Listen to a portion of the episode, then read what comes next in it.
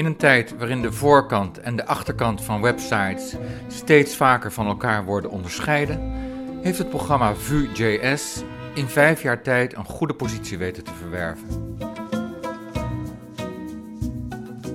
Zo komt dit JavaScript framework op GitHub momenteel als populairste uit de bus, vlak voor concurrent React, dat afkomstig is uit de stal van Facebook. Angular van Google bungelt een eind verderop in de ranking.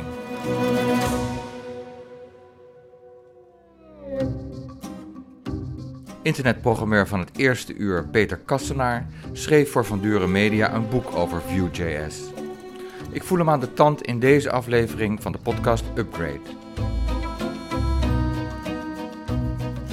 In de eerste plaats, wie is Peter Kassenaar?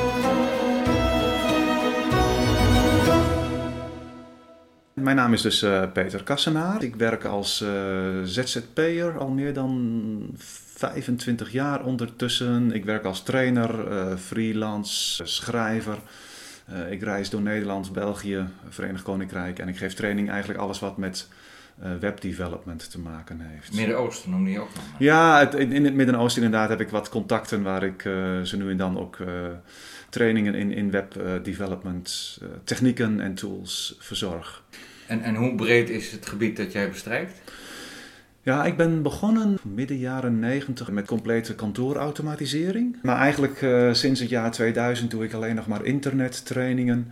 En binnen die internettrainingen en technieken doe ik nu de laatste 8 à 10 jaar alleen nog maar front-end. Dus alles wat je in de browser ziet, alles wat je, ja, waar je als gebruiker mee interacteert, alle websites, webapplicaties, die ken ik en daar geef ik training in. Wat voor soort mensen zijn dat aan wie je die trainingen geeft? Zijn dat uh, ook programmeurs? Of? Ja. Want we hebben het nu wel over de harde code ook volgens mij. Ja, ik, ik ben inderdaad, ja, zelfs dat moet je nog weer zeggen. Binnen het front-end uh, gebeuren heb ik mij gespecialiseerd in code. Ik doe geen design, dus ik doe geen Photoshop en geen Illustrator. Maar ik uh, schrijf echt de codes en dan zelfs voornamelijk programmeertechnieken binnen, uh, binnen dat gebied. En dat zijn ook mijn klanten. Professionele programmeurs die werken bij over het algemeen grotere organisaties, overheden, uh, verzekeraars, banken, Nederlands bibliotheek. dat soort grotere bedrijven die ja, ook, ook veel interne applicaties maken, die vaak niet eens altijd voor het publiek zichtbaar zijn, maar ja, waarmee hun hun bedrijfsvoering en hun workflow wordt geoptimaliseerd binnen de organisatie, binnen het bedrijf. Dat soort applicaties. Maar nu heb je het over front-end. Ja. Maar frontend heeft dus kennelijk ook repercussies voor het backend. Ja, ja zeker. Dat, dat is iets waar ik mijzelf minder mee bezig hou. Ik, heb wel dingen gedaan op het, op, uh, op het Microsoft-platform. Uh, uh, .NET heet dat. En, in, Nederland en ook andere landen heb je vaak een tweedeling. Het is ofwel een .NET ofwel een Java-achtergrond. Vroeger werd in .NET en Java gewoon losse applicaties ontwikkeld die op de diverse PC's in, het, in de organisatie werden geïnstalleerd. Maar tegenwoordig moet het eigenlijk allemaal web-based zijn. Het wordt steeds meer vereist dat medewerkers en klanten eh, via hun uh, iPad of via hun laptop ook kunnen inloggen op dit systeem. En dus via web, uh, een webinterface alle handelingen voor dat ze binnen dat bedrijf kunnen uitvoeren alle medewerkers moeten eh, te alle tijden en vanuit elke plek uh, kunnen inloggen op het systeem.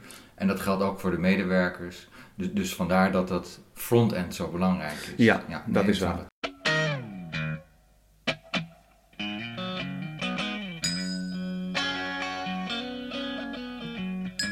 Het front-end van Peter Kassenaar zelf communiceert ook met zijn omgeving. Ja. Nou, nou, heb jij, uh, zie ik, een, uh, een t-shirt aan en er staan twee uh, letters heel groot op. Welke zijn dat? dat is JS. Dat is, ik, ik, heb een t-shirt met het JavaScript logo heb ik aan. geel is, is de achtergrondkleur en JS zijn de, zijn de zwarte letters die staan voor JavaScript. JavaScript is eigenlijk een, een technologie wat, wat ja, niet door één bedrijf wordt ontwikkeld. Het heeft een eh, een soort open source logo, zullen we maar zeggen. Dat is heel eenvoudig en daarvan heb ik een uh, t-shirt uh, aan. Ik heb ook een webwinkeltje die dit soort t-shirts verkoopt. Dus, Wauw. ja. En lopen ze?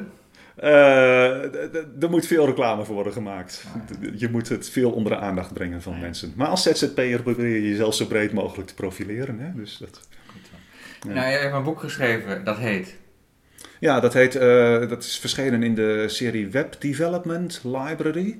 En het heet Vue.js. Vue op zijn Engels gespeld, V-U-E. En dan JS weer voor JavaScript, want het is een JavaScript. Het is eigenlijk een framework waarin allerlei problemen die in, in moderne programmeeromgevingen optreden al voor je zijn opgelost. Dat is een beetje het idee van zo'n framework. En Vue.js is daar een, eh, een, een samenbundeling van. Dus je begint al meteen met problemen.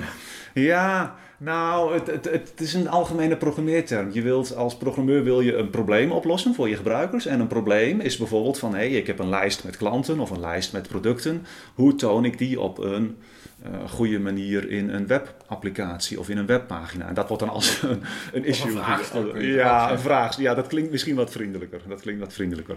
Uh, en Vue.js is een, een, een JavaScript framework waarin dat soort vraagstukken op een uh, uniforme manier worden aangepakt en worden opgelost voor programmeurs. Zodat niet elke programmeur telkens opnieuw het wiel hoeft uit te vinden. Zijn er nog meer voordelen? Want waarom moet het allemaal binnen één systeem passen eigenlijk? Nou, eh, voor een bedrijf is het natuurlijk een voordeel als, je, eh, als het binnen één systeem past, dat je binnen de organisatie ook maar specialisten in één systeem nodig hebt. En eh, we zien nu toch al de scheiding tussen front-end en back-end. Dus je hebt al front-end specialisten nodig en de back-end specialisten. dat is echt een hard onderscheid. Ja, toch wel. Ja, ja. Kijk, in theorie natuurlijk niet. Iedereen kan alles leren. Maar in de praktijk kom je daar gewoon niet aan toe. Op het moment dat je druk bent met, je, met jouw Java-applicatie, dan schiet de tijd tekort om ook nog een frontend te gaan ontwikkelen. En omgekeerd. 10, 15 jaar geleden kon je nog als webmaster kon je alles doen. Maar dat zit er niet meer in tegenwoordig. Zelfs in de framework-wereld heb je al het onderscheid nou in uh, er zijn eigenlijk drie hele grote frameworks in, in eh, front-end land. Je hebt Angular, React en Vue. Die komen ook, bij wie komen die vandaan? Uh, ja, dat is, dat is nog wel een, eh, een verschilletje. Uh, Angular komt uit de stal van Google. Dat is een product wat door Google in de markt is gezet en als open source framework beschikbaar is gemaakt. Met natuurlijk als doel om meer Google services te gaan gebruiken. En React is een ander heel populair framework. En dat komt uit de stal van Facebook. En dat is gewoon eh, een, een framework wat exact hetzelfde doet. Alleen op een andere manier. Maar ook met het doel om Facebook-diensten te leveren? Nou, niet, niet zozeer. Het was iets wat zij intern hebben gebruikt en ontwikkeld. En daarna als open source beschikbaar hebben gesteld. Dat is aardig, hè, open source? Ja, ja dat, dat is wel, uh, tuurlijk. Uh, maar die bedrijven zijn ook geen filantropen natuurlijk. Ze proberen uiteindelijk iedereen binnen uh, ofwel de Google-omgeving te krijgen, ofwel de Facebook-omgeving. Maar Vue.js is daar echt een, een alternatief voor. Dat is eigenlijk opgezet opgestart door één individu. Die oorspronkelijk eerst trouwens bij, uh, bij, bij Angular heeft gewerkt, bij Google. Maar die was niet tevreden met de manier waarop uh, dat framework zich ontwikkelde. En heeft zijn eigen framework gestart. het is toch open source, dus dat kan. En, uh, kwamen daar nog processen achter weg? Processen? Nee hoor, nee, nee, want open source. Dus het, ja, het is wel gelicenseerd, maar het, uh, nee, deze, deze man die Vue.js is gestart, die, uh, die heeft dat helemaal op zijn eigen manier gedaan. En dat kan een ander uh, voordeel zijn voor het gebruik van, van Vue.js.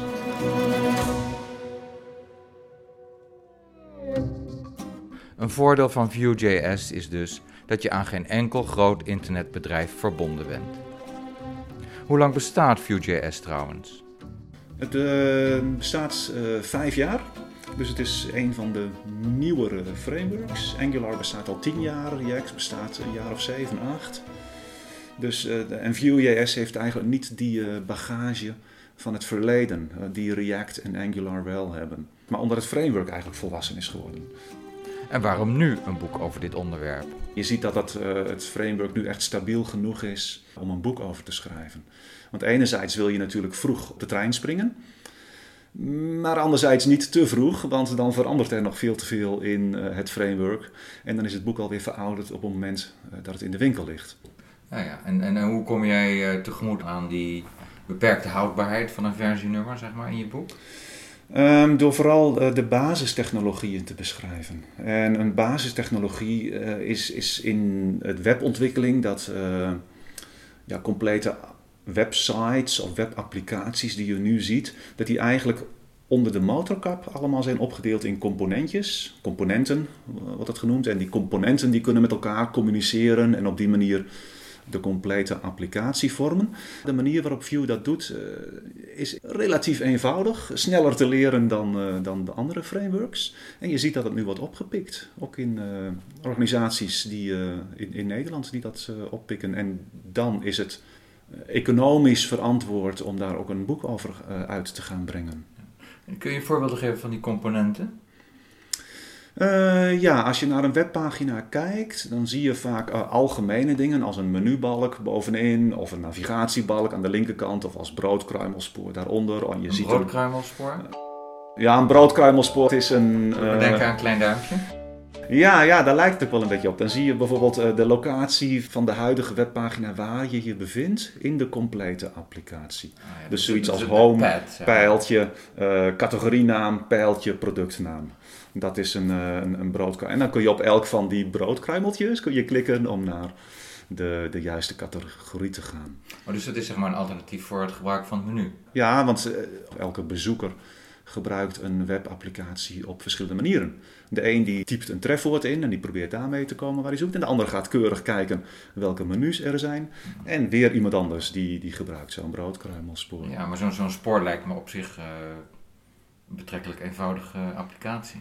Nou, dat is dus een voorbeeld van een component binnen de complete applicatie. Die ga je niet in elke pagina ga je dat ding opnieuw uh, tikken, maar je maakt daarvan een, een, een broodkruimelspoor componentje waar je uh, via code gaat inzeggen van nou dit en dit en dit zijn de uh, sporen of de, de, pagina's of categorieën die je op dit moment moet weergeven.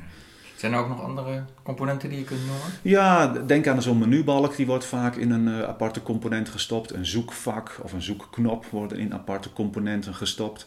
Uh, er is heel vaak sprake van een huisstijl die gevolgd moet worden met, uh, met bepaalde kleuren, met bepaalde witruimtes, met lettertypes.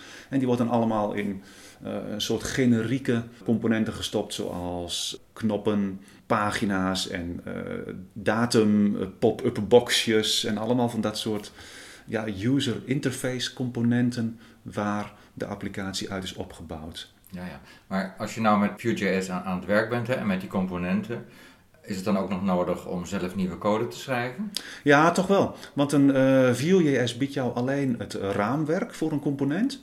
En die, die geeft een, uh, een, basiscode die zegt een component bestaat uit een stukje HTML, dat is de, het, user interface deel, en het bestaat uit een stukje script.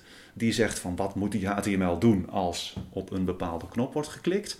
En hij heeft ook nog een stukje style die zegt van hé hey, de knop moet rood of groen of blauw zijn of moet links of rechts zijn uitgelijnd. En al die drie stukjes tezamen zijn door Vue gebundeld in een component. Maar jij moet zelf bepalen als programmeur hoe dat eruit ziet. Dus je, zeg maar, je krijgt een soort basispakket ja. waar je nog aan kan uh, correct. sleutelen. Ja, dat, dat gebeurt in een framework. Je krijgt een basispakket voor uh, hoe zien componenten eruit, uh, hoe wordt omgegaan met interactie met een backend, hoe wordt data die uit zo'n backend terugkomt, hoe wordt dat getoond in de user interface. Dat is wat Vue jou biedt. Maar uiteindelijk moet je het als programmeur allemaal zelf schrijven.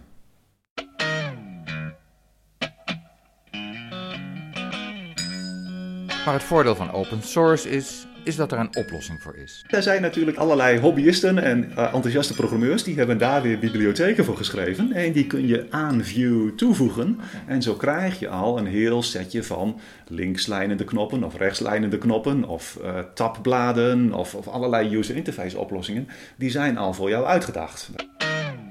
En is het allemaal gratis dan? Ja, ja het is wel gratis. Ook, ook, wat die andere mensen hebben gemaakt?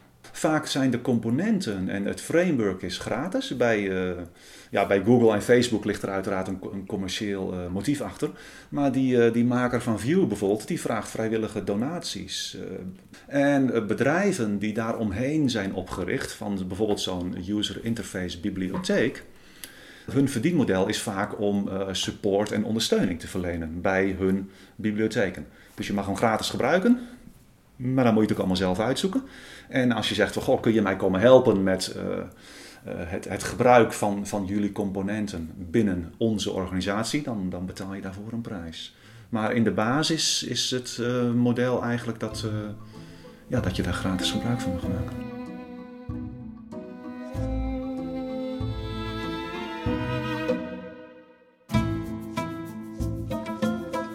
Kun je voorbeelden geven van websites die gemaakt zijn met uh, Vue.js?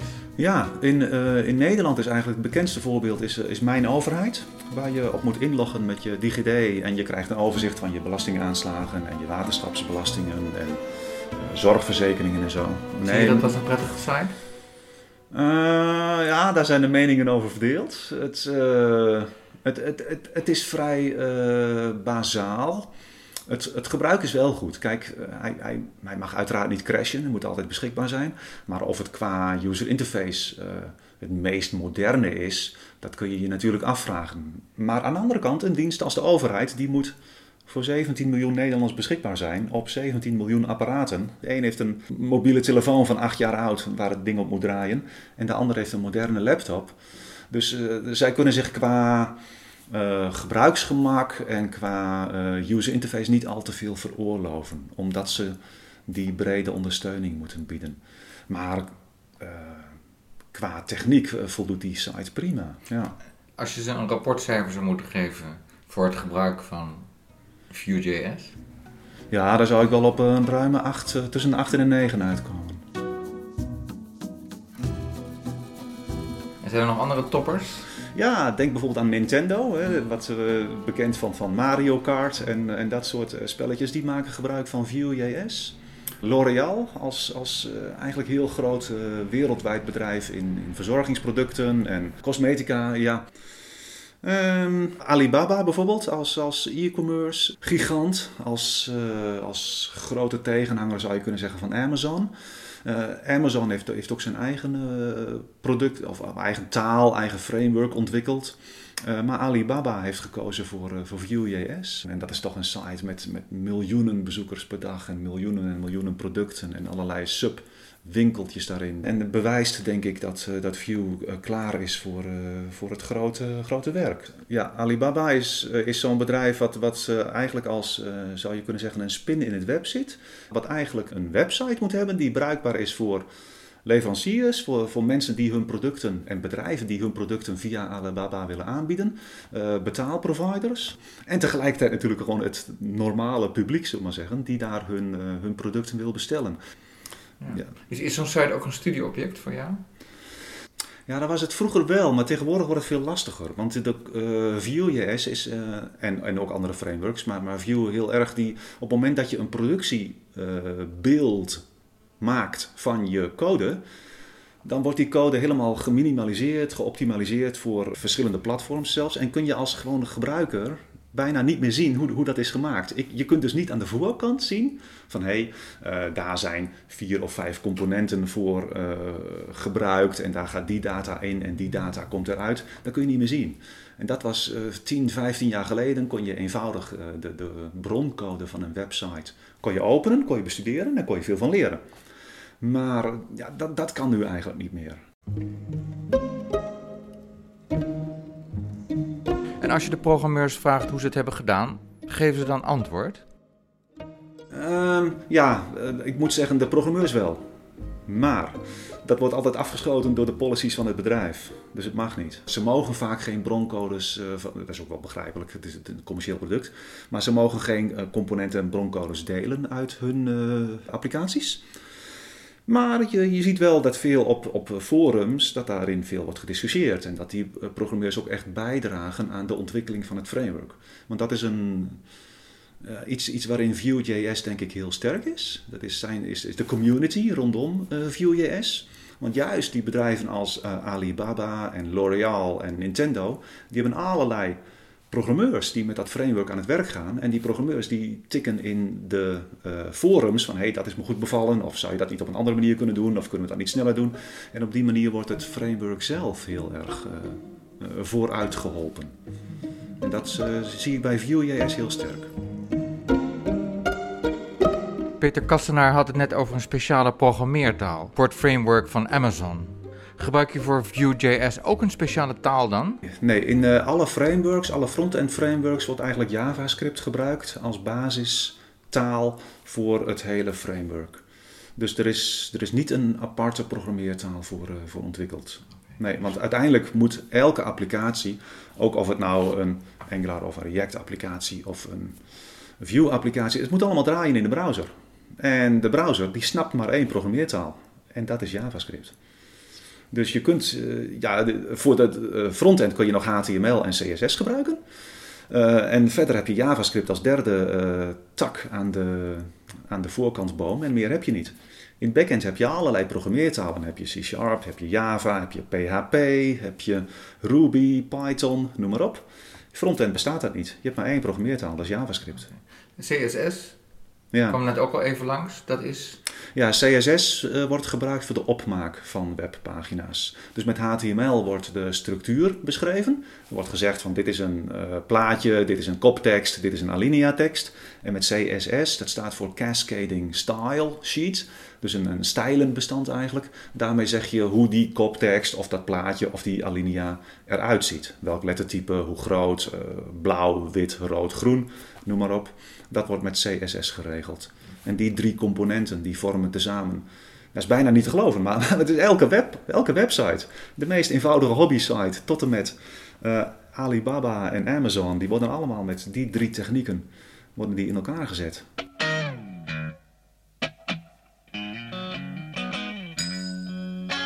Wanneer ben je als bedrijf toe aan Vue.js?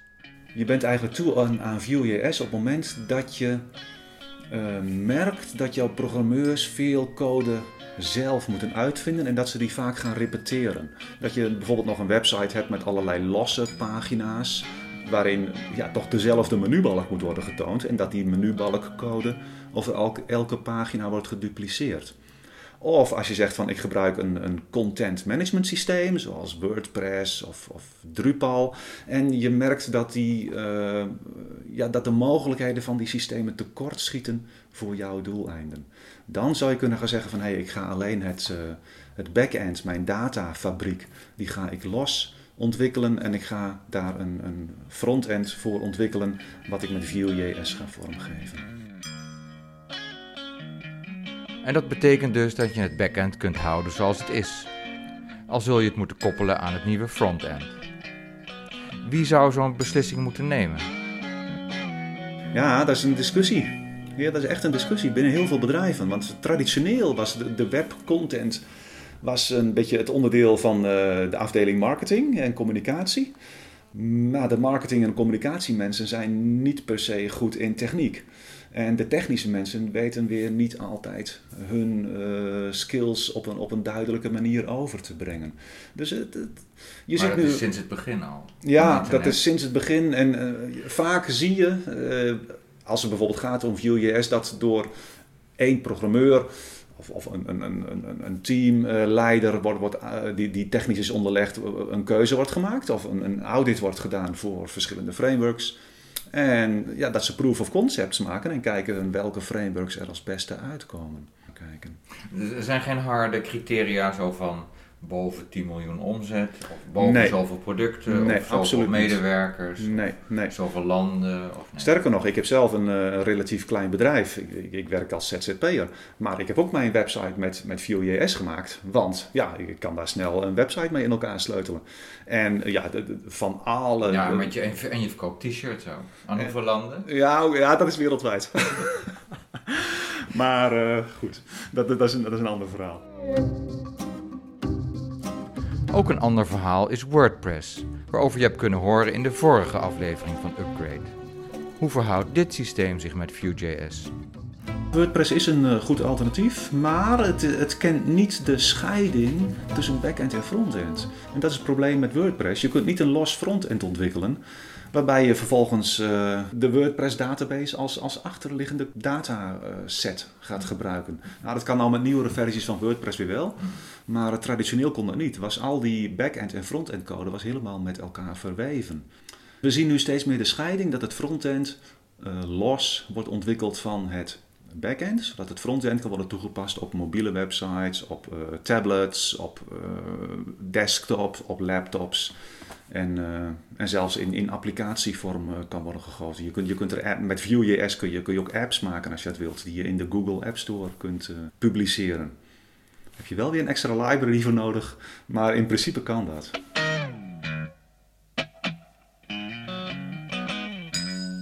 Stel dat een organisatie inderdaad kiest voor Vue.js. Hoe moeilijk is het dan voor programmeurs om aan die nieuwe omgeving te wennen? Oftewel, hoe steil is de leercurve, om het in wielertermen te formuleren? De, de leercurve voor uh, Vue.js is wat, wat vlakker, omdat je relatief heel snel van start kunt. Je kunt al met uh, Vue.js noemt zichzelf ook het progressieve framework, dus je kunt met kleine componentjes kun je beginnen en de rest van je pagina kan gewoon HTML zijn zoals je ja, dat progressive, progressive in de zin van kleine stapjes. Kleine stapjes, exact. En als je gaat kijken naar een Angular project of een React project, nou, dan moet je van tevoren al heel veel kennis hebben en heel veel keuzes hebben gemaakt. En dan begin je alsnog met een heel klein project. Dus dat, die, die, je moet al veel meer uh, uh, specifieke framework kennis bezitten voordat je met een uh, met een Angular of een React framework aan de slag kan. En met Vue kan dat meer in kleine stapjes. Het boek van Peter Kassenaar is in het Nederlands.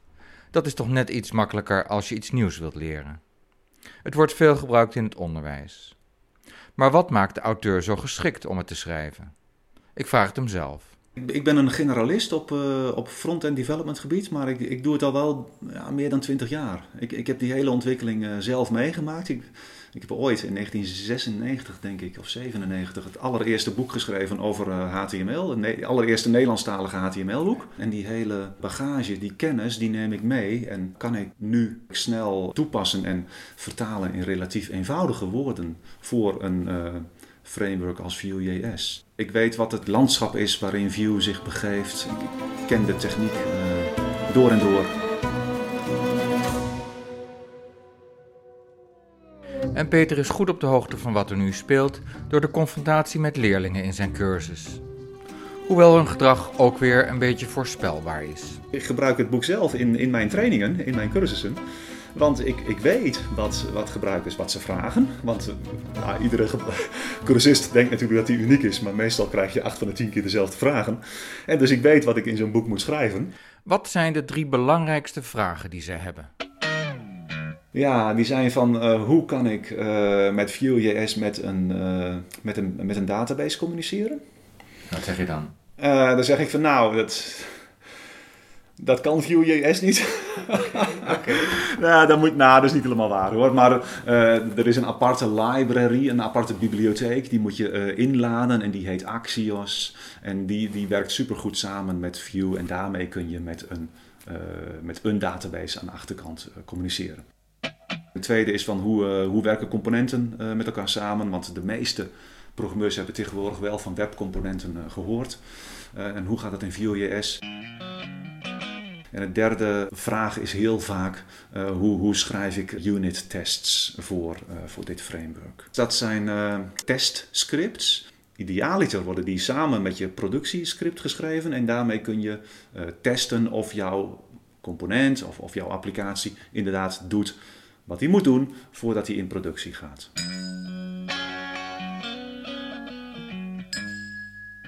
En waar is de lezer van het boek vooral in geïnteresseerd? hoe kan ik nu zo snel mogelijk mijn applicatie in ieder geval op mijn eigen lokale PC hebben draaien en daarna uitrollen, uh, publiceren in een productieomgeving. En het antwoord op dat probleem geef jij? Exact, ja. ja. En dat uh, toch wel in uh, stapsgewijs in hoofdstukken. En hoe zijn die hoofdstukken opgebouwd?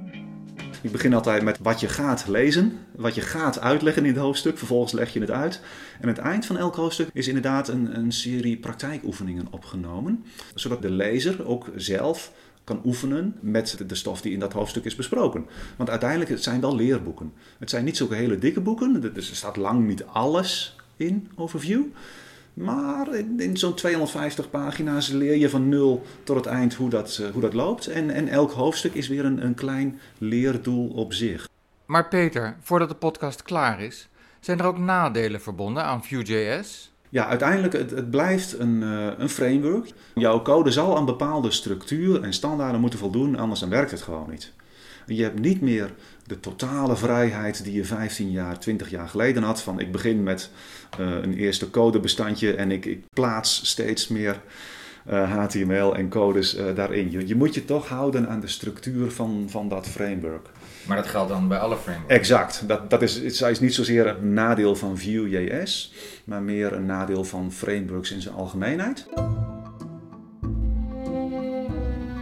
Is het boek ook digitaal beschikbaar?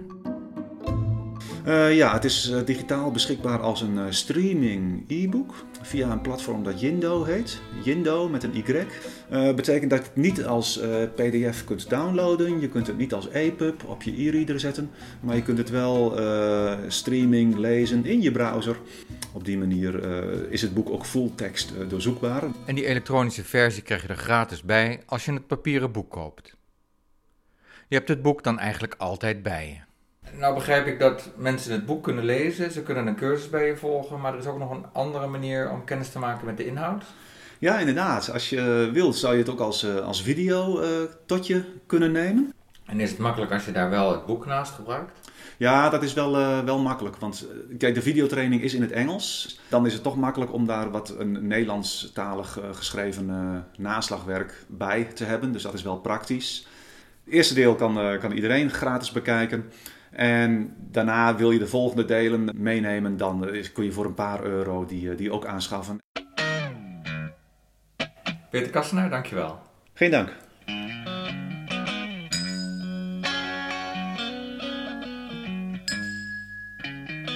En je hebt het al geraden, alle relevante links vind je op Peters eigen Vue.js website, met als adres kassenaar.nl, met de K van Kassenaar IT Services. En wil je toch kiezen voor Angular? Ook daar heeft Peter een boek over gemaakt, evenals over JavaScript. En over nog veel meer. Dit was Peter de Ruiter voor de podcast Upgrade van Van Duren Media en dienst blogsite Computer Creatief. Wil je de volgende en voorgaande afleveringen niet missen? Abonneer je dan gratis via je favoriete podcast-app. Klik naar computercreatief.nl voor meer informatie.